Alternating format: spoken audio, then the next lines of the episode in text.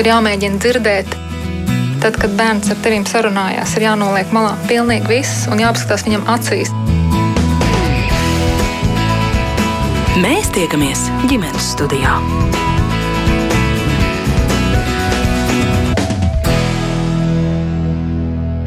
Labdien, priecājos sveicināt jūs visus rādījumu ģimenes studijas klausītājus. Mans vārds ir Agnes Linka un šī rādījuma producente ir Ilze Zvaigzne.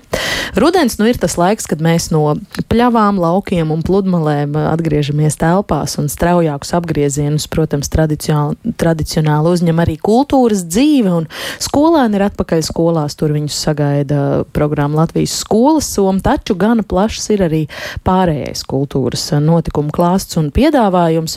Vai un kā tas pielāgojas bērnu un jauniešu vajadzībām, gan satura un vēstījumu, gan formas ziņā, un kāda tad ir šī auditorija, kuru šodien uzrunāt, iespējams, nav nemaz tik viegli. Par to šai sarunā un ar mani kopā ģimenes studijā šodien dažādu bērnu un pusauģu auditorijai radītu kultūras norišu veidotāji, autori un līdzautori.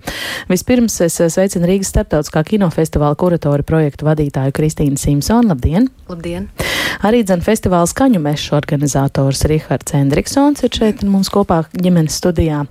Pēc brīža gaidām mums pievienosies arī režisors Dmitrijs Petrenko un eh, Latvijas laikmatīgās mākslas centrā Survival Kit izglītības projekta vadītāja Kristīna Ercika arī dzen dzird mūs telefoniski. Labdien! Tā, Kristīne Ercika, vai mūs jau dzird? Kristīna? Jā, es esmu šeit. Jā, labi, tagad dzirdam arī jūs. Prieks sasveicināties. Un arī jūs klausītāji varat pievienoties šai sarunai. Ja nu tās gaitā jums eh, rodas kas sakāms, kādas pieredzes, komentāri, kādi jautājumi vai varbūt pārdomas par tēmu, kas nu, un kāds kultūras piedāvājums interesē un sasniedz jūs un eh, jūsu bērnus, jūs varat um, piedalīties šai sarunā, atrakstiet ģimenes studijai, sūtot mums ziņas no Latvijas radio mājaslapas. Nu, kā jau teicu, kinofestivāls vēl tikai gaidāms, bet skaņu mešs jau eh, skan pilnā pilnā sparā, un kā Rihards teica, gandrīz jau ir izskanējis. Bet, izskanējis jā. Jā. Tomēr tā ietvaros tieši vakar ir norisinājies pasākums tajā auditorijai, par kuru mēs gribam šodien runāt.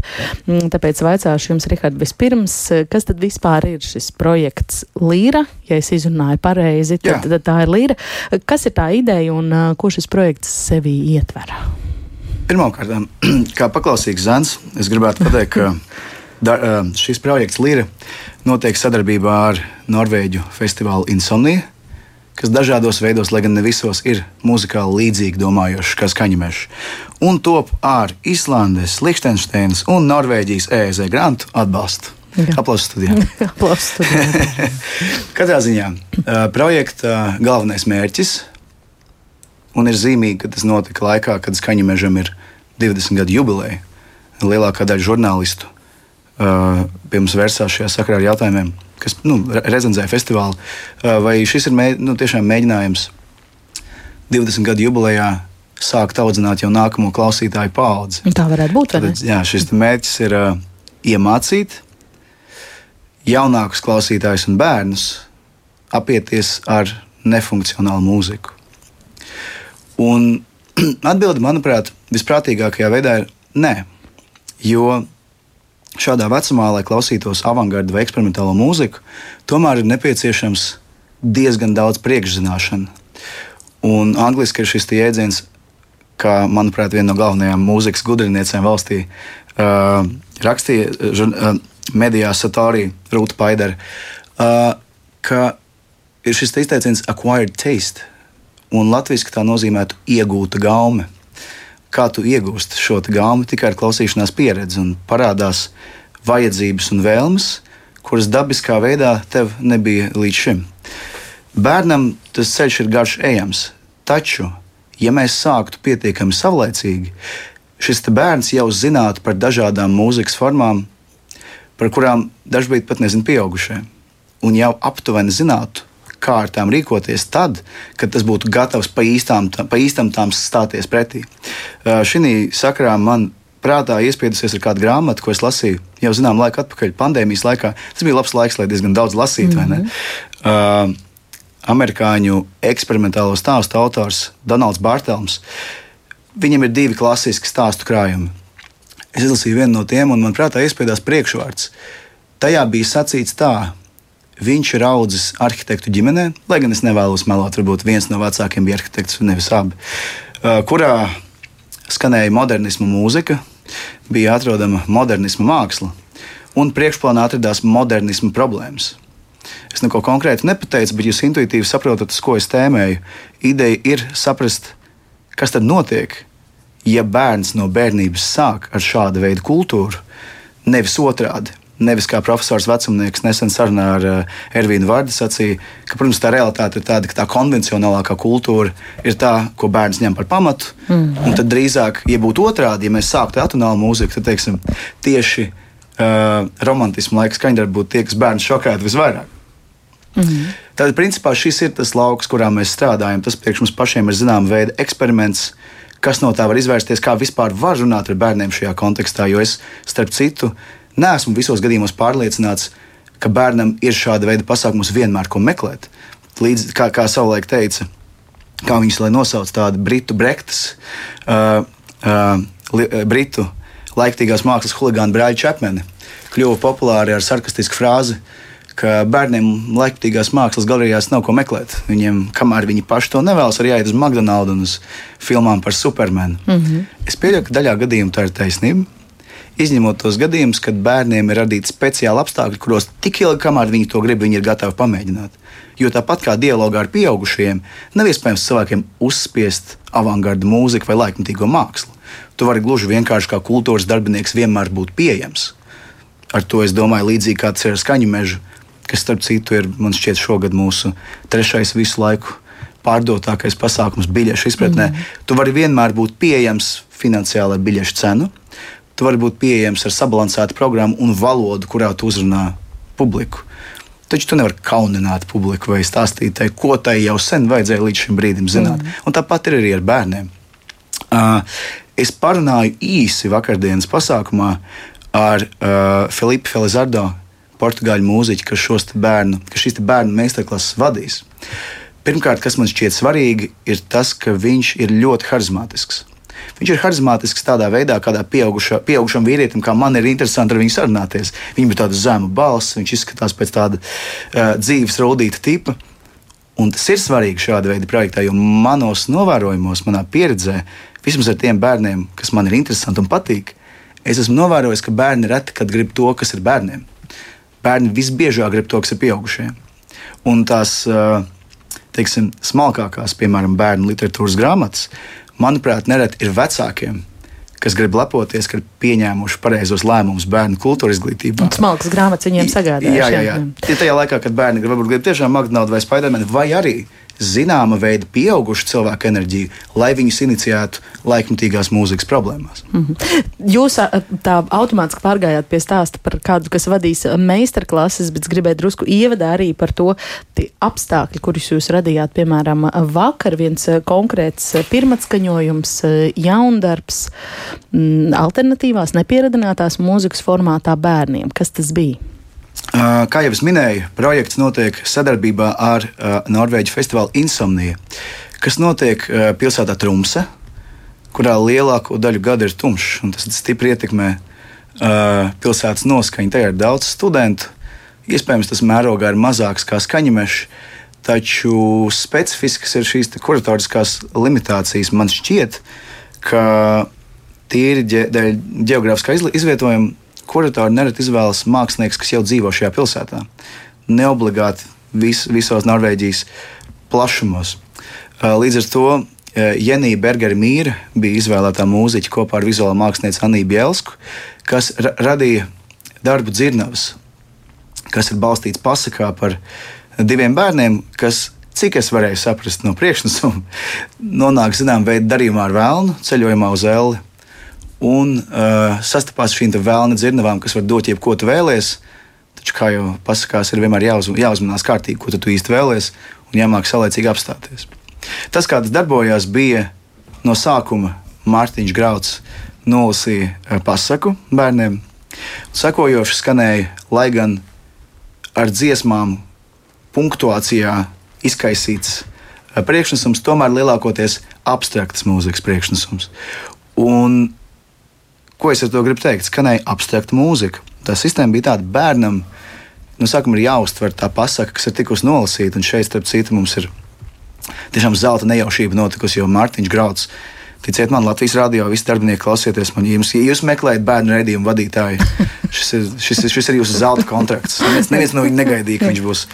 Viņš Un būs jūs tādā šobrīd, mazais eh, jā, režīmā. Jā. Stāstat par viņu iesaisti darbā Latviešu zvēri. Jā, jā. jā, jā. Nē, nē, nē, patiesībā sakot, viņš piedalījās arī šajā projektā. Tādēļ nav nejaušība, kas viņu pieminēja jau tagad. Aha.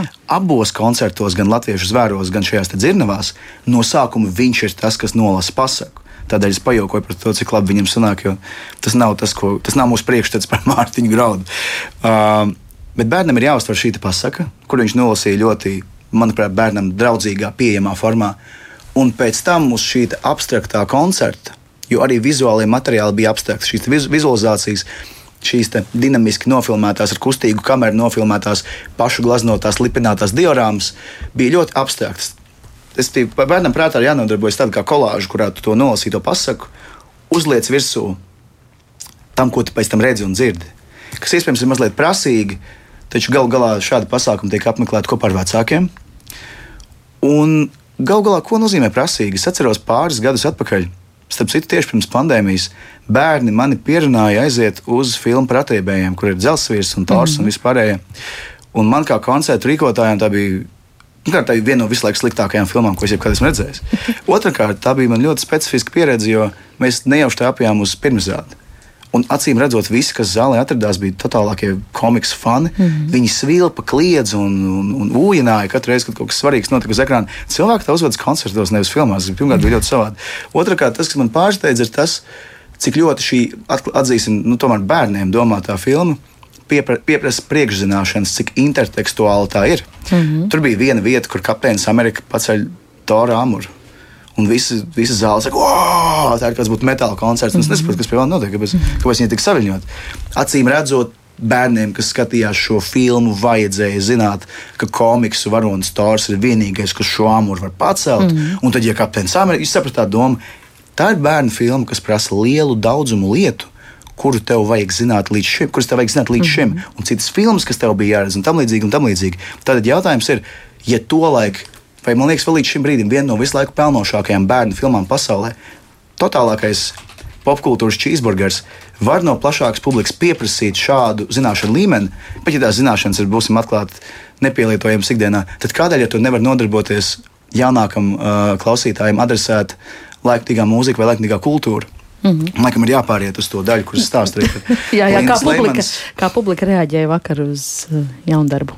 Es domāju par tiem gadījumiem, kad mēs to darīsim turpmāk, jo skaņu meža aktivitātes projekta ietvaros turpināsies arī, arī līdz nākamajam gadam. Man šķita, ka publika iespējams ir pat ir pārāk paklausīga. Um, kā lai pasakā, bērni tika turēti diezgan disciplinēti. Viņi sēdēja blakus vecākiem. Jautājumi tika uzdoti ļoti pacietīgi un pieklusinātos toņos, un tad viņi saņēma arī vajadzīgos skaidrojumus, ja tādi bija nepieciešami. Vairāk pat par to, kad sākās Lindas Leimans priekšnesums sadarbībā ar Sabīnu Mori un Mārtiņu Graudu. Es novēroju, ka Lindai bija pašai jāmēģina viņu kaut kā iekustināt. Jādod viņiem neverbālas zīmes, ka viņi drīkst celties kājās, ja viņi grib un padējot. Vai beig beigās mēs pat nonācām līdz tam, ka tika sistas plaukstiņas un, uh, un tika veikti mazi deju solīši tādā pasākumā, kā skaņameša, kas man bija neliels kultūras šoks. Mm -hmm. Tas notika. Uh, Leimanas darbs bija zināmā mērā ļoti uh, pretējs, savā ziņā pretējs tam, ko es aprakstīju līdz šim dzi- dzirnavām. Tas bija daudz mazākā mērā abstrakts. Jo ne, nu, tas ir tas, kā mēs par to domājam, sastādot šo projekta plānu. Mums bija jāmēģina saprast, ja, ja tu mēģini uzrunāt bērnus ar sarežģītu mūziku vai abstraktu mūziku, jautājums ir, ok, labi, mēs pieņēmām lēmumu, ka tam ir jābūt stāstam, ir jābūt kaut kam, kas to abstrakto mūziku padara funkcionāli vismaz bērnu prātā. Lai viņš saprotu, ka šīs abstraktās skaņas arī viņam var palīdzēt saprast, kas šajā stāstā notiek. Taču tas, cik ļoti tuvplānā ir šis stāsts, ir abu mākslinieku uh, brīva izvēle. Linda izvēlējās to darīt ļoti burtiski. Kā jau, vai gan es pat iepriekš neminēju, Inese, kā jau minēju, Inese Zanders uh, grāmata Latviešu zvēri ir šī darba pamatā. Un Linda piegāja tam ar tādu Jānis Zanakis uh, metodiku, kurā katra skaņa, nu, piemēram, cibrits, cibrits vai kā tur, kas parādās tekstā, viņas mēģinājumos tika kaut kādā vai otrā veidā patiešām burtiski atainot arī skaņu materiālā. Tas bija diezgan savādi.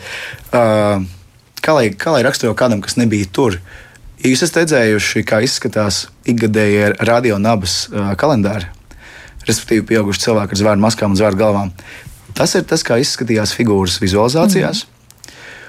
Un viņu ar nu, jau neverbālajās kaut kādās informācijas zīmēs tika izspēlēta arī pirms tam nolasītā pasaka. Tātad nu, jau atkal bērns no sākuma uztver tekstu, kurā burtiski tiek pastāstīts, eh, kas notiek šajā stāstā, un pēc tam ar skaņu un um, neburtisku vizuālu komunikāciju viņš to pašu pieredz abstraktākā, intuitīvākā veidā. Ja, bet, piedodiet, mums jādod vārds arī pārējiem kolēģiem. Ja, ja, ja jūs to sakat, pārtraukt, jā. Vienkārši pavisam īsi secinājumi par to, kā auditorija to vakar uztvēra. Ar pateicību. Man, protams, nu, nu jau atkal es saku, es neesmu sajūsmā par to, ka skaņu mežam, kā eksperimentālās mūzikas festivālam, ir jā, jāstrādā ar bērniem. Bet tomēr jūs to darat. Tādēļ, ka ja tu to tomēr dari, tev vajadzētu to darīt mm -hmm. pareizi. Šī ir iespējams pirmā un pēdējā reize, kad mēs to darām. Tādēļ tas arī ir interesanti. Jo katru reizi, kad kāds saka, es nevaru ciest, kad viņi taisa projekts bērniem, un parasti liekas, nu, kādēļ mēs čīkstam izdarīt to pats tā, kā tev liekas, ka tas būtu pareizi. Mm -hmm. Šis ir tas, kā es to darītu.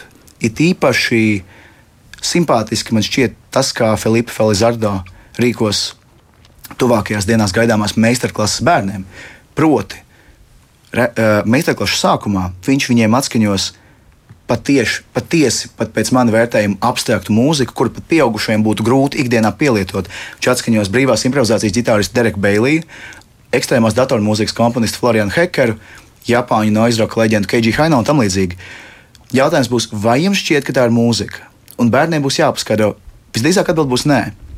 Taču āķis ir tajā, ka kā tikai tu mēģini šim pieaugušajam cilvēkam paskaidrot, kādēļ tā nav mūzika, neapzināti tu veido savu definīciju mm -hmm. par to, kas ir mhm. mūzika. Mm -hmm. Un tad pavisam konspektīvi datums eh, pilsēta, kad un kur notiks šīs meistarklases, droši vien, ka tām vēl ir iespējams. Meistarklases notiks Daugavpilī 28. septembrī Marka Rotko mākslas centrā, Rīgā 29. septembrī Nosā un Liepājā, Liepājā 30. septembrī kultūra vietā Pegaza pagalms. Mm -hmm. Visos gadījumos tās sākas četros dienā es jūs aicinātu apmeklēt skaņu meža mājaslapu un sakontaktēt mūs, jo lielākā daļa šo meistarklašu jau ir pilnas, reģistrācija tam ir pārpildīta. Taču, ja gadījumā notiek kādas kancelācijas, tā saucamās, mm -hmm. iespējams, ka jūsu bērns paspēs tās apmeklēt. Atbrīvojās, jā. Paldies! Paldies pagaidām Rihardam. Gribu jā, jautāt, ko kino žanrā tad šogad bērniem un pusauģiem piedāvās Rīgas starptautiskais filmu festivāls vai ir kādas īpašas iezīmes tieši šogad šajā auditorijā domātajā programmā? Kristīna Simpsona. Daudz. Es tagad arī varētu pusstundu paņemt. uh, jā, bet uh, šogad laikam tas, kas ir festivālā jāuzsver, jā, festivāls pirmām kārtām norisināsies no 13. līdz 23. oktobrim. Bērnu filmu programma, um, kā ierasts abās nedēļas nogalēs, nu, tas, es domāju, īpaši patīkami vēl ņemot vērā, ka tas ir skolēnu brīvlaiks tieši tajā nedēļā. Mm. Tad mums programma dalās vairākās daļās. Mums ir um, filmas spēļu filmas, kas kā ierasts ir no uh, skolas vecuma, no septiņiem gadiem un uz augšu. Un tad ir animācijas īsfilmu izlase, arī filmas animācijas stundas garumā, kas ir ideāli piemērota arī pirmsskolas vecuma bērniem, pirmajam kino apmeklējumam.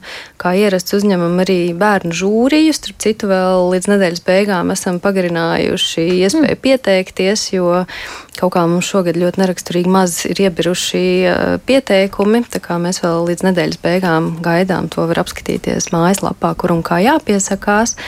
Bet, uh, jā, un tad um, mēs ejam vēl arī um, sarunu biedri jau ieskicētā grāmatu programma, arī tās ietveros Rīgas starptautiskais kinofestivāls, tājas izglītības projektu. Un tad 15. oktobrī mums būs Rīgas kino kluba izziņošanas pasākums, un tad 15. novembrī tālāk kino klubs būs pieejams visiem bērniem, jauniešiem, skolotājiem visā Latvijā. Kino klubs būs tiešsaistes mācību es laikam gribētu teikt, izziņas, nevis mm. mācību platformu, kurā tad, um, Latvijas vadošie kino profesionāļi stāsta par to, kāda ir viņu aroda loma filmu tapšanā. Un tad mēs gribam pastāstīt, jā, ka kino nav raķešu zinātne, ka tagad bērni jaunieši, kas jau paši filmē un, un rada audiovizuālo saturu Instagram, TikTokā un citu vietu, uh, kā to darīt kvalitatīvāk, kā to attēlu lasīt un atšifrēt. Tad būs arī Norvēģijas filmu izlase, jo mēs arī dzen, sadarbojamies ar Norvēģiem, ar Norvēģijas filmu klubu federāciju. Tad arī darba lapas, vai kā to tagad laikam sauc, iedvesmas lapas, Aha. bet nu, viss tādā ļoti draudzīgā un neformālā gaisotnē. Un tad pēdējais pieturpunkts droši vien festivālā, kur es gribētu arī aicināt arī tādus um, drosmīgākos un uh, tiem, kam patīk tehnoloģijas, uh, Francijas institūtā. Uh, um, 14. un 15. oktobrī būs virtuālās realitātes darbu skate. Bez maksas šī sadaļa būs pieejama, un te arī būs vairāki darbi tieši bērniem un jauniešiem. Un tad var izmēģināt arī pilnīgi citu audiovizuālā attēlu pieredzi virtuālās realitātes brillēs un, un, un paskatīties, kā tad tur tas viss notiek. Jā. Un par Rihardu jau pieminētajiem kino skatītājiem, kas tiecas pēc Spidermaniem un atriebējiem. Kā jūs eh, par viņiem domājot, eh, veidojāt šogad eh, to filmu festivāla programmu, teiksim, par pusauģiem runājot? Man šķiet, ka mēs kaut kā gribētos ticēt, pastāv, līdzās pastāvam diezgan labi, jo Es kā uz otru krēslu, kur es sēžu, es esmu kino kritiķis, un tad es regulāri arī skatos šos darbus. Tad droši vien ir jāsaka, ka tie supervaroņu darbi ir ļoti plašai auditorijai. Tas varbūt nav ne bērniem, bet tas ir varbūt jā, ģimenes auditorijai, kur iet un ko skatīties. Un tur tiešām, kā jau jūs iezīmējāt, tas ir uzticīgai fanu bāzei arī, jo īpaši saprotams. Bet uh, mēs parasti programmu veidojam, izējot no tā, ka to darbu varoņi, ko rāda festivālā, tie ir paši bērni, šie supervaroņi.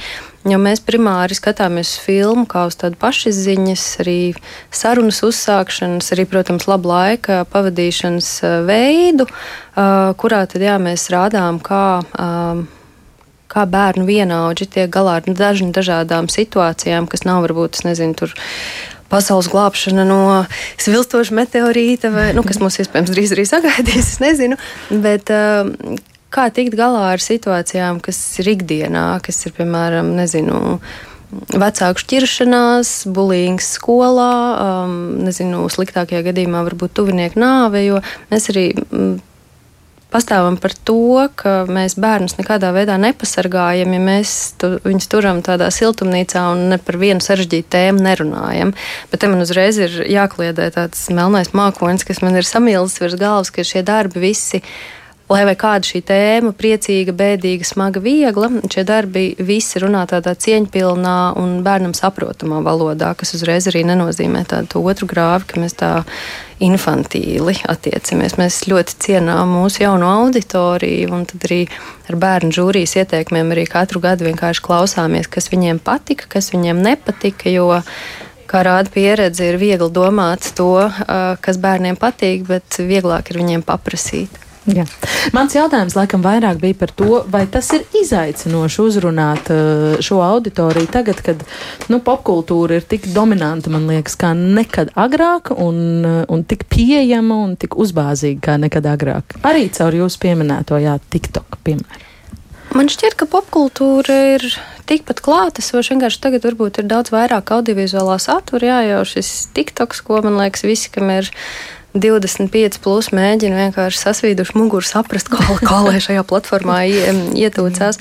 Bet um, man šķiet, ka te ir jārunā pat vairāk plašāk, ne tikai par bērnu saturu kontekstu. Uh, pēc pandēmijas ir vispār manāms tāds sagurums, tāda neliela apātija, kas ir visā, manuprāt, kultūras nozarē, vai mm, itin jebkurā laukā, ka cilvēki ir varbūt tā, tādā inercē vēl, ka labprāt uzkavējas mājās un varbūt Online. gausāk iet, jā, un vienkārši par to uzmanību varbūt ir vairāk jāpacīnās, un, protams, mums nav tāda budžeta kā supervaroņu filmām, lai mēs varētu atļauties izvietot uh, tādus plakātus, kā viņiem ir visur, un, un, un visur šos materiālus ietvert.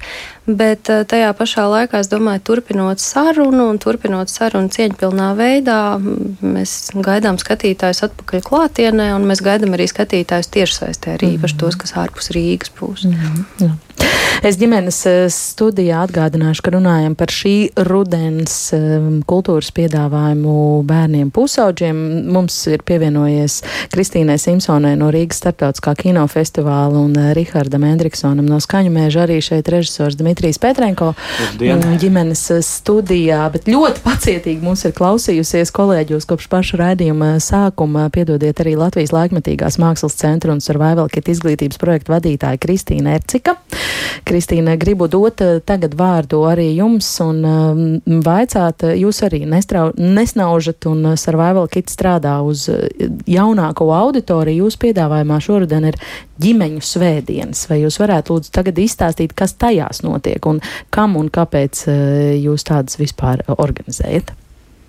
Jā, jāsaka, Survival Kits eh, notiks līdz 16. Eh, oktobrim un katru svētdienu pulkstens 13. mēs aicinām ģimenes ar bērniem nākt uz darbnīcām, kuras vada mākslinieki, kas piedalās Survival Kit. Pagaidām līdz šim mums ir bijuši mākslinieki, latviešu mākslinieki, Sabīna Šnē un Elīza Dombrovska, bet nākamā nedēļas nogalē mums pievienosies uh, divas mākslinieces no Baltkrievijas, uh, Sofija Tukar un Rufina Bāzlova.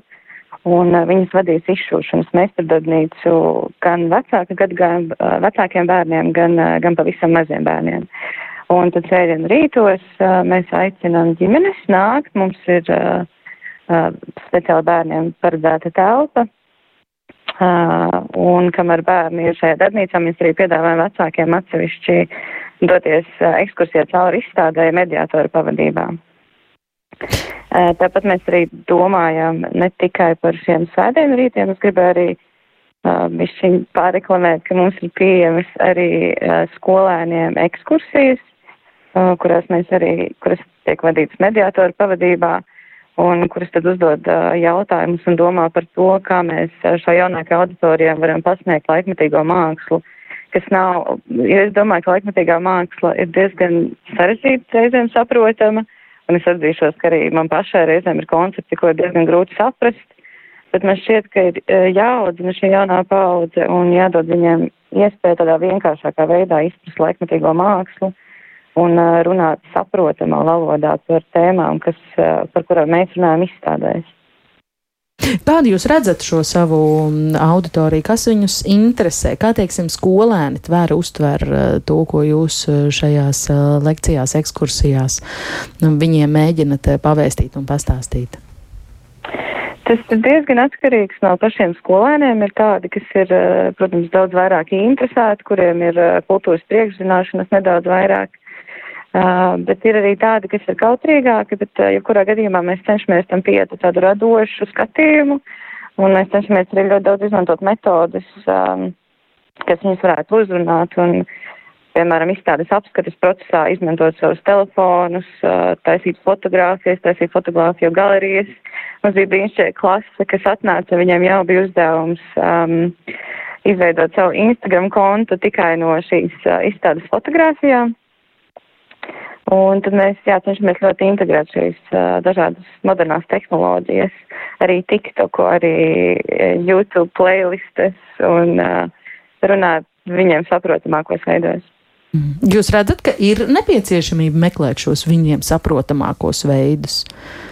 Nu, tikai tāpēc, ka Jā. viņi ir tāda TikTok paudze, ja mēs tā varam stereotipizēt. Jā, es domāju, ka ir jāmeklē tās metodes, kas, kas tieši uzrunātu viņus ja mēs nevaram vairs strādāt ar veco modeli, ka, ka grupa bērnu dodas uz muzeju un tad viņi tiek stikti nostostēti, neko neaiztikt neko nedarīt un savā ziņā iebiedēti no šādām kultūras iestādēm. Bet eh, man liekas, ka ļoti svarīgi tiešām atrast tos pareizos modeļus un, un runāt viņiem saprotamos veidos. Vai tie, kas pie jums eh, nonāk, tās biežāk ir vecāku ģimenes iniciatīvas, vai tie ir eh, skolotāji, kas tad izdara tādu izvēli, ka iesim nevis uz kādu muzeju, kur nevar neko aiztikt, bet iesim tagad uz survival kit, kur būs kaut kas citādāk? Nu, lielākoties gan pagaidām jāsaka, ka, tās, ka tie ir vecāki, kas inicijē šīs nākšanas, un arī skolotāji.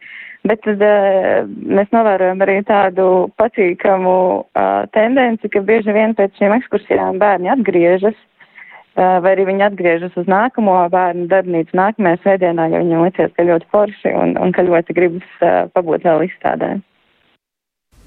Jā, pagaidām paldies arī Kristīnai. Un visbeidzot, Liepais Lēļu teātris 9. septembrī ir atklājis savu 33. sezonu ar pirmizrādi Dauka labie jautājumi Dmitrija Petrenko režijā, kas ir pirmais šī teātra mēģinājums uzrunāt tieši pusauģa auditorija vecumā no 8 līdz 16 gadiem. Dimitrija, kādā formātā tad jūs vēršaties pie šī vecuma uh, skatītājiem, pie šīs auditorijas? Um. Mēs mēģinājām izstāstīt daudz stāstu, kuru daudz droši vien zina. Um, nevis kā pasaku, kā tādu leģendu, bet um, mēģinājām paskatīties no mūsdienu viedokļa, kāpēc tur ir tā, kā tas ir.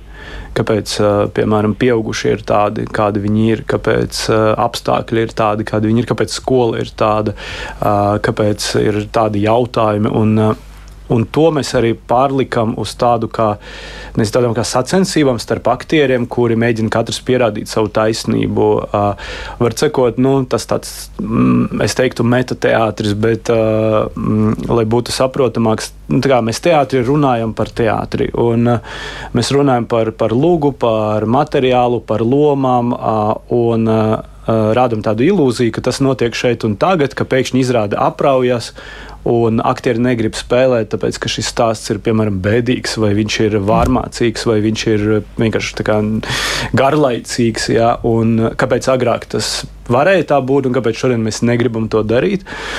Un tādā uh, spēles veidā mēs uh, piedāvājam uh, arī skatītājiem iesaistīties, arī pieaugušiem, tur uzdodam dažādas jautājumus.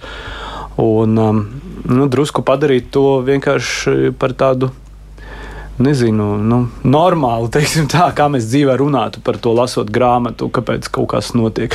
Jo man, man vienmēr mulsināja, ka teātris, teātrī ļoti bieži baidījās no tā, ka bērni kaut ko nesapratīs, viņi uzdos jautājumus, un man gribēs uztaisīt izrādi, kur ir forši uzdot jautājumus, kur ir forši kaut ko nesaprast, vai kur ir forši, ka tev kaut kas ļoti, ļoti aktīvi nepatīk. Piemēram, ka tur kaut kāds tēls ir ļauns, un kāpēc man tas ir jāpacieš, un man gribas pajautāt aktierim, kāpēc tu vispār to spēlē tev pašam nu, nav pretīgi.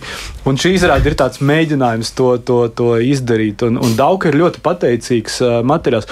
Un jāsaka, mēs pilnīgi bijām. Nu, Es biju tiešām šokā par to, ka mēs, kad mēs izminējām pirmo reizi ar, ar, ar bērniem, Uh, ja agrāk, pirms gadiem, es atceros, jautājums zālē bija nu, tāds smags, vienmēr bija tāds klusums. Nu, bērni tādi negribēja iesaistīties, jo tur vienmēr viņus kušināja, un tur skolotāji un, un, un, un varbūt vecāki, un pirms tam ir saruna par to, kā jāuzdas teātri. Tad šobrīd tas bija tā, ka vienkārši pēc pirmā jautājuma mums bija grūti savākt uh, auditoriju, reāli ļoti grūti, un mē, mums pēc tam bija gara, gara saruna, kā, kā vadīt šo pasākumu, jo tā nav vienkārši izrāde, kur mēs novācam tā saucamo saucamo ceturto sienu un aiziet. Tas ir šausmīgi grūti. Jo mums, piemēram, izrādē parādās uh, tēls, kurš ir huligāns. Meitene, viņa, me, viņa mēģina izjaukt izrādi. Un skaidrs, ka visas bērni ir viņas pusē, viņi arī mēģina izjaukt to izrādi. Un tad, kad mums vairs tā nav izdevīgi, tad mēs nedrīkstam dusmoties uz to, ka nu, bērni tur kaut ko ne tā dara. Mēs sēdējam un domājam, kā tālāk. Un mums visiem tā bija nu, fantastiska pieredze uh, ar, ar tādu atvērto teātri. Mhm. Jūs eh, raksturojat to, ka būtībā jūsu auditorija mainās. Jūs sakat, agrāk bija grūti panākt, ka viņi jautā, un tagad izceļas tracis, kad viņiem ļauj jautāt. Jā, es atceros, ka agrāk lielajā zālē aktieris nāk priekšā un kaut ko jautā, bērniem pacelt rokas, un viss bija tāds, nu, jā, varbūt viņš drošāk, drošāk, es tur neredzu jūsu roku. Tad tagad tā nav problēma, jā, un tas ir forši. Es uzskatu, tas ir ļoti labi, mm. jo man nekad nepatika, ka teātrī, nu, tā, teiksim, tur kušināja bērnus vai, vai mācīja, kā pareizi uzvesties. Uh, es, tas ir riskanti, un tas, un, bet, zin, es arī pamanīju to, ka bērni arī viens otru regulē. Ja viņam pēkšņi kāds viens sāk traucēt, viņi var atļauties pateikt arī tam vienam huligānam, ka viņi grib tomēr skatīties izrādi. Un tas arī ir forši, bet tur ir šausmīgi grūts uzdevums aktieriem. Uh, kā vadīt šo auditoriju, jo viņi nedrīkst nostāties pret viņiem. Nu, es tagad tādas tehniskas lietas stāstu, jā, bet viņiem jāatceras, ka vi, mēs vienmēr esam jūsu pusē, viss, ko jūs darat, ir ok, bet mēs tagad kopā mēģināsim iet tālāk. Nu, tā kā skolā droši vien skolotājs tikko nostājas opozīcijā, nu, tas ir, ir beigta spēle, jā, jo bērns uzvarēs. Uh, Bet, ja skolotājs ir gudrs un viņš prot nostāties bērna pozīcijās un pateikt, jā, ok, es saprotu, kāpēc tu tagad tā jūties, es iespējams jūtos līdzīgi, bet vai pamēģinām kopā izkļūt no šīs situācijas. Un tā pieredze ir ļoti interesanta. Mm. Jūs veidojat arī tikšanās pirms un pēc ar skolēniem, pēc mm. izrādes. Pēc Kāpēc? izrādes, jā, tā būs Leļu teātrim, es saprotu, droši vien pirmā pieredze, un iesaistot arī speciālistus, lai runātu par. Uh, par šiem jautājumiem, kas, kas izskan uh, izrādē. Mēs arī gribam atvieglot skolotājiem darbu un izstrādāt tādu nu, skanu stulbi metodiskais materiāls. Man nepatīk, bet jā, tas ir, ir jautājumi, kas palīdzētu varbūt skolotājiem runāt uh, par to, ko mēs tikko redzējām, ko mēs tikko piedzīvojam. Uh, tas nav obligāti, tas vienkārši palīdz līdzeklis, lai, jo es zinu, cik skolotāji ir noslogoti, un tas varētu palīdzēt vai vecākiem, jā, kā runāt. Un Un tā pirmā pieredze bija tieši Liepājas teātrī. Man pēc izrādēm, ko mēs uztaisījām ar maniem studentiem, mēs tikāmies ar vidusskolēniem. Sākumā es redzēju, ka tas bija tāds, nu, priekš kā varbūt nevajag. Man pašam bija tādas šaubas, bet pēc pirmās tikšanās, kur tiešām izrādīja gandrīz trīs stundas, un vēl uz stundu palika gandrīz visi skatītāji, un daži, kas aizskrēja, viņiem tur bija kaut kāds pulciņš, un viņi atvainojas, bet tā saruna bija ļoti nopietna nopietna. Viņa nejautāja tikai, kā jūs spējat tik daudz tekstu iemācīties. Viņa tiešām uzdeva jautājumus, kāpēc tā meitene tā rīkojas, kāpēc viņa pacieš, kad viņai to saka, kur jūs atradat tādu prototīpu, vai jūs meklējat. Un aktierim bija nu, tik interesanti stāstīt. Un, Viena klase bija no Liepājas, vienas mazākumtautības skolas, kur ir arī ļoti nopietna teātris studija. Viņi uzdeva absolūti tāds profesionāls jautājums mums, un mēs teicām, lai viņi mūs uzaicina arī uz savu izrādu. Viņi uzaicināja, mēs ar tādām nu, bāžām, kā jau vienmēr skolas teātris. Bet tas, ko mēs redzējām, viņa runā, tā ir vidusskola, 10, 11, acīm redzot, varbūt arī 12. klase. Viņa runā par nāvi, beigās tur visi nomirstēja izrādē. Viņa runā par šķiršanos, par atraidījumu. Tur puisis labi, viņi tur kaķus spēlē, bet viens kaķis atzīstās mīlestībā citai kaķenei, un tā pasaka, ka, nu, nē, viņai patīk cits kaķis. Un es redzu, ka jaunieši to spēlē, nu, viņi zina, ko viņi dara. Tas nav vienkārši tā, kā viņi tekstu atrunās, mūki tur deklamē. Viņi tiešām izspēlē šīs situācijas, ko viņi iespējams ir arī piedzīvojuši vai kaut kādu piedzīvos. Un mums bija patiesībā tāds nu, wow moments, ka mēs skatāmies uz jauniešiem un domājam, un mēs vēl dažreiz baidamies, vai šī tēma nav tur par nopietnu. Uh, mēs redzam to, ka nē, nu, jaunieši ir gatavi par to runāt un, un runāt to pavisam nopietnā mm. līmenī. Mm. Mēs te pirms mirkļa par uh, popkultūras ietekmēm un pieredinātu un nepieredinātu kultūru dažādos formātos runājām. Vai šai kontekstā es varu jums vaicāt, kāds jūsu skatījums, vērojams, kā tā publika šajā ziņā mainās? Jūsu publika. Jūs ne pirmo reizi strādājat bērniem, jauniešiem. Uh, es droši vien nu, neskatos uz popkultūru kā uz kaut kādu tādu ļaunumu. nu, es nezinu, neviens droši vien neskatās. jo, nē, nē, protams, ka tā ietekmē nu, arī tā sociāla mēdīja, viss vis tas ietekmē. Bet uh, man liekas, ka ir viens nu, tāds nopietns moments, ko es pats priekš sevis izsacināju, ka, ka uh, jaunietis vai bērns vairs, vairs nespēja un negrib, var, laikam, pareizāk teikt, negrib uztvert kaut ko no augšas uz leju. Nu, ka mēs kaut ko pasakām, un rekurs šitā ir. Bet, ja mēs ejam otrādi, ja mēs esam atvērti un mēs no apakšas viņam lūdzam, man tagad interesē tava pieredze, tavs skatījums, tava reakcija uz to. Es to izmantoju arī tad, kad es strādāju skolā par skolotāju, jo, nu, labi, tas ir tā, tā ir tā kā nu, drāmas studijas, tas ir varbūt citādāk nekā mācīt matemātiku, bet uh, tikko es saku, ko mācīt, kā vajag, tas ir nu, vienkārši beigts numurs. Ja? Bet tad, kad es pats saprotu, ok, man ir interesanti, piemēram, uzzināt viņu pieredzi. Uh, mēs spēlējam etīdes par to, kā jums gāja šodienas stundās, kā jums gāja ar vecākiem, ar skolotājiem, un viņam ir ko teikt. Man ir interesanti, jo tā pieredze ir absolūti atšķirīga no manas. Un es domāju, ka tā tā popkultūra ienāk, ka vienkārši tas tas, tā komunikācija nav no augšas uz leju, bet viņa drīzāk ir tik atvērta, ka mēs esam tie, arī kā teātris, kas, kāpēc mēs rīkojam šīs tikšanās, un tā mēs gribam saprast, kā jums iet, kāda jums ir pieredze, kāda jūs esat. Mēs gribam kā, nevis parādīt sevi, bet mēs gribam redzēt jūs. Un tā ir kaut kāda cita vispār paradigmas maiņa. Uh, gan teātris, gan vispār kultūra, un arī citās, cik es klausījos, ko kolēģis stāsta, citos žanros, ka mēs nevis mācām, rekur tev ir jābūt tur sagatavotam, lai saprastu mani, bet nē, man ir jābūt sagatavotam, lai tu mani saprastu, kā, kā skatītājs. Vot tā ir tā kā cita, man liekas, pieeja. Mm. Kādas replikas kolēģiem klausoties Dmitrija teiktajām? Patīk, patīk tā premisa, ka bērnu ir vieglāk dabūt savā pusē, ja tu kā ieliec sev spīķi riteņos, un tev ir kāds, kas eh, tevis eh, organizēto lietu mēģina sabotēt. Man šķiet, ka tā, tā ir lieliska ideja. Tā viena meitene, kas mēģina noraut, noraut priekšnesumu. Kopumā šķiet, ka bērniem, kā jau es minēju, lielākoties vai nu patīk tas, kas ir pieaugušajiem, vai nu viņi jūtas visai komfortabli un stimulēti, ja situācijā, kas ir bērniem, viņi var būt tie, kas mēģina to nojaukt. Tātad kaut ko, ko nedrīkst. Tas šīs varētu būt diezgan eh, veiksmīgas divas formulas, kā noturēt bērnā dzīvīgu, dabisku interesi. Mm -hmm. Kristīna? Jā, man arī es visu laiku piekrītu māju ar galvu visam, ko Dmitrijs sacīja. Uh, bet jā, mēs no festivāla perspektīvas arī cenšamies uh, pieiet no līdzīgas puses, nevis no tāda augstā plaukta runāt par to, ka cik mēs svarīgi un kā jūs mūs nesaprotat un kā jūs mūs nu pat var, varbūt kaut kad sapratīsiet. Nu, nē, mēs, mēs klausāmies, mēs sarunājamies. No mūsu puses tā arī ir saruna, un te jau ar tiem sociālajiem mēdījiem iepriekš, kas izskanēja. Mēs, protams, varam nu, zaudēt miega stundas un teikt, ka nesēdi tajā telefonā un tam līdzīgi. Nu, bet, on, būsim reāli. Mēs paši sēžam telefonā, mēs paši gūstam informāciju no sociālajiem mēdījiem. Un man um, liekas, ka tas, ko mēs varam darīt, arī teiksim, mēs šajā gadījumā, kā festivāls, kā audiovizuālā satura um, izrādītāji. Um, promotētāji savā ziņā, ka mēs varam nākt klāt ar šo um, tādu tā kā orientieri uh, un stāstīt par to, varbūt, kas ir labāks saturs, kas varbūt ir pilnīgs trešs vai kas ir pilnīgi, pilnīgi nevajadzīga laika tērēšana.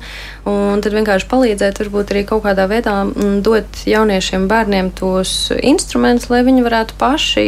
Nu, jēgpilnāk arī to satura gūzmu vienkārši kaut kā sagrupēt, paši, paši kūrēt un, un, un paši izvēlēties un paši arī tad skatīties to, ko viņi galu beigās ir. Tas droši vien sāks kādā no, noteiktā vecumā, vai ne? Tas nebūs tajā bērna vai, vai mazā pusauģa laikā. Patiesībā nē, manuprāt, ka bērni šobrīd arī diezgan agri pieaug, un tad, nu, teiksim, pie festivāla auditorijas es varu teikt, ka, nu, principā jau no deviņiem gadiem ir tāds um, ļoti liels funkcijas. Viņi arī paši, piemēram, mūsu auditorijas maz arī ļoti daudz ko paši skatās ar vecākiem mājās, un tad viņiem jau ir ko salīdzināt. Viņi jau, nu, teiksim, nāk arī ar, lai vai tā būtu varbūt pieredze ar popkultūru vai kaut ko citu, bet viņi tāpatā viņi, viņi sarunājas. Viņiem ir jau šī, šī, šī spriestspēja un šī interese, manuprāt, ko jūs abi arī norādījāt par to, ka viņi iesaistās, viņi mm. nesēž malā. Mm. Kristīne, cik survival kit, vai jums ir kādas pārdomas vai piebildes kolēģos klausoties? Jā, es varu tikai absolūti piekrist tam, ko kolēģi teica, un arī par to, ka ka mums ir tomēr jāpieiet uh, šiem tēmu izklāstam, ko mēs pārskatām uh, gan survival kitā, gan citās izstādēs, uh, ka tam ir jābūt uh, saprotamām pielāgotā valodā, un kur mēs, uh, kā kolēģi teica, ka mēs nevaram izlikties, ka, ai, nu jūs varbūt mums kaut ko sapratīsiet. Nē, bet mums ir jābūt uh, tiešām saprotamiem un atvērtiem. Jā. Tas, ka, tas aiz kā man auss aizķērās vairākas reizes, bija izglītošana vai izziņa. Dmitrijs arī teica, negribas to saukt par metodisko materiālu, bet kaut kādā veidā jūs visi, jūsu pārstāvētās lietas un projekti veido kaut ko, Mm, kas ir plašāks par tikai vienu izrādi, vienu filmu vai vienu koncertu. Nu, piemēram, es izlasīju arī šodien, ka Rīgas starptautiskā laikmatīgās mākslas bienāle Riboka atklāja vērienīgu izglītības projektu, arī dzen kaut ko, kaut ko lielāku un paliekošāku Riboka. Rip Repository of Knowledge. Mm, projekta mērķis arī ir papildināt skolu izglītības programmu ar radošiem mācību materiāliem, kas iedvesmoti no laikmetīgās mākslas prakses. Mācību materiāli ir atrodami vienā tiešsaistes platformā, kas ir veidot kā būtībā tāda online biblioteka, ko var brīvi izmantot skolotāji, skolēni, jaunieši, studenti, arī, protams, bērnu vecāki, bet nu, tā lietas būtība ir tāda, ka visi tie mācību materiāli ir balstīti uz mākslinieku, arhitektu, dizaineru, mūziķu un laikmetīgās mākslas praksēm un izstrādāt ciešā sadarbībā ar pedagogiem un sniegt arī ieteikumu stundu plānam un kā to tālāk integrēt dažne dažādos citos mācību priekšmetos. Un šo lasot un jūsos klausoties, es aizdomājos par to, cik mm, elastīgi jūsuprāt šī brīža izglītības sistēma, mūsu skola tāda kā tā ir šobrīd, ir gatava ņemt pretī laikmatīgās kultūras kaut kādu piedāvājumu vai, teiksim, mūsdienīgus kultūras produktus. Nu, tāpat manis pieminētā skolas soma, katra skola būtībā izvēlās to, ko izvēlās, un dažkārt arī nākas pabrīnīties, klausoties dažādās pieredzēs, ko tikai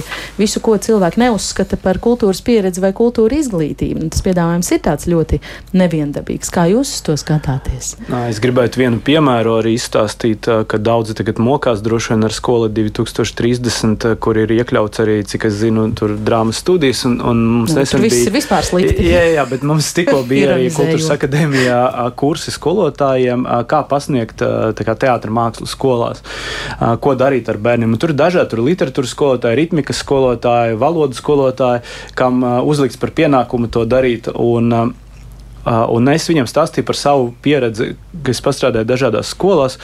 Un, uh, es sapratu, ka mācīt, piemēram, Vat, ko es varu iemācīt teātrī? Es nevaru viņam pateikt, šī ir forša izrāde vai šīs ir labs literārais materiāls. Ka te, caur teātru mēs varam mācīties tādas lietas kā cieņu, draudzību, daudzveidību un tā tālāk. Piemēram, mēs ar Doma koru skolas bērniem pirms pāris gadiem uztaisījām tādu kā izrādi uh, par tēmu Man nav draugu. Viņi, uh, viņi diezgan uh, tādi atvērti paši tie skolēni, ļoti ekstroverti, ļoti emocionāli.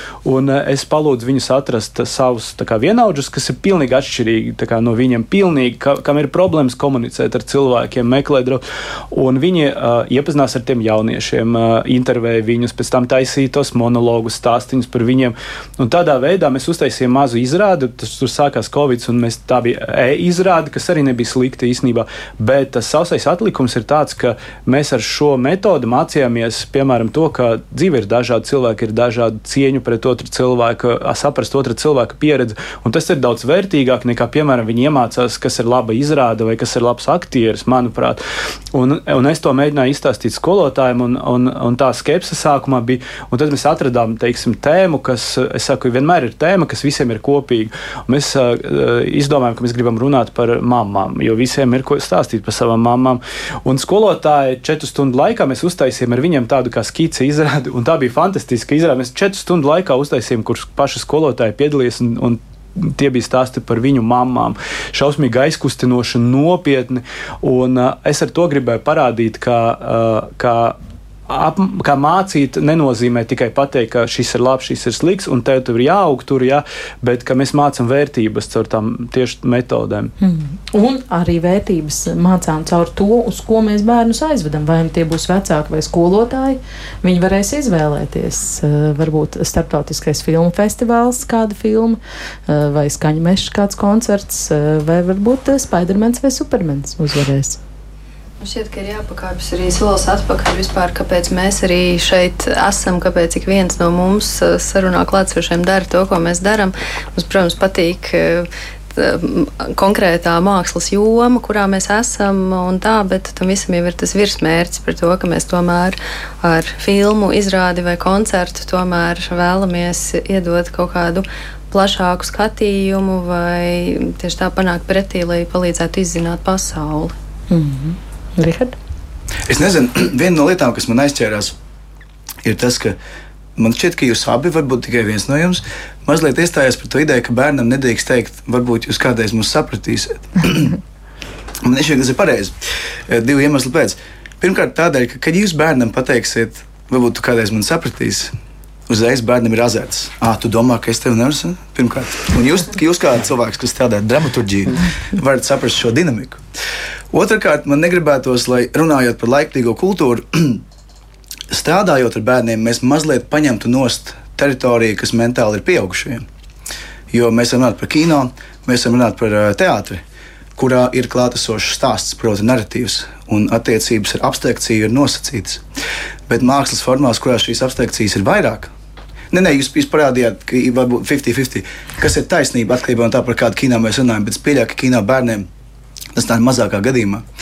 Un man šķiet, ka tur jau ir tā lieta, ka mēs gribētu, lai bērns jau tagad zina, ka šīs lietas eksistē un tās bērnam ir pieejamas tad, kad tas tās vēlas. Lai nebūtu šī komiskā pieauguša cilvēka reakcija. Jūs, mēs visi pieļaujam strādājuši ar laiktīgo mākslu, nejaušam uh, skatītājiem vai klausītājiem. Katram no mums ir iespējams ir bijuši bezmaksas kinoseanses, mums ir bijušas skaņu mākslas izstādes parkos. Mēs varam novērot pieaugušu cilvēku reakciju, kas klāji liecina par to, ka vai būtu vai nebūtu šī personīgā piesaiste attiecīgajai formai, vienkārši trūks šīs pieredzes. Un man šķiet, ka daži kultūras, laikīgās kultūras produkti patiešām arī nav pieauguši. Pat vis, nav pat visiem pieaugušajiem. Mums nebūtu jā, jāgrib. Lai jau bērni to saprastu.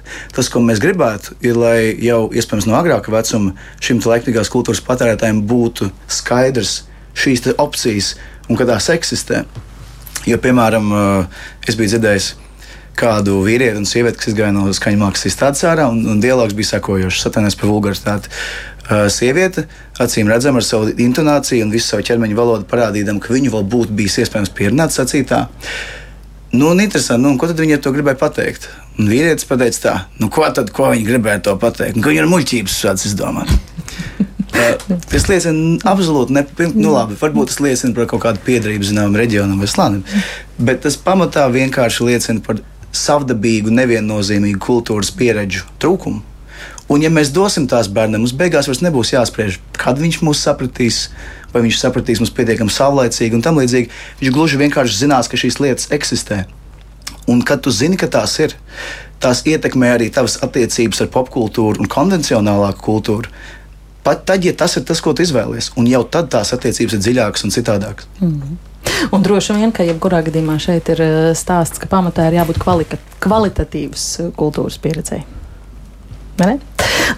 Liksim daudz punktu vismaz ar galvu šai sarunai. Ļoti ātri paskrēja laiks šodien ģimenes studijā, un mums atvēlētais ir iztecējis. Paldies eh, par sarunu ģimenes studijā. Šodien sāku starptautiskā kinofestivāla kuratoriem projektu vadītājai Kristīnai Simpsonai, festivāla skaņu meša organizatoram Rihardam Endriksonam, eh, režisoram Dmitrijam Petrenko un arī Latvijas laikmetīgās mākslas centra un survival kit izglītības projektu vadītājai Kristīnai Ercikai.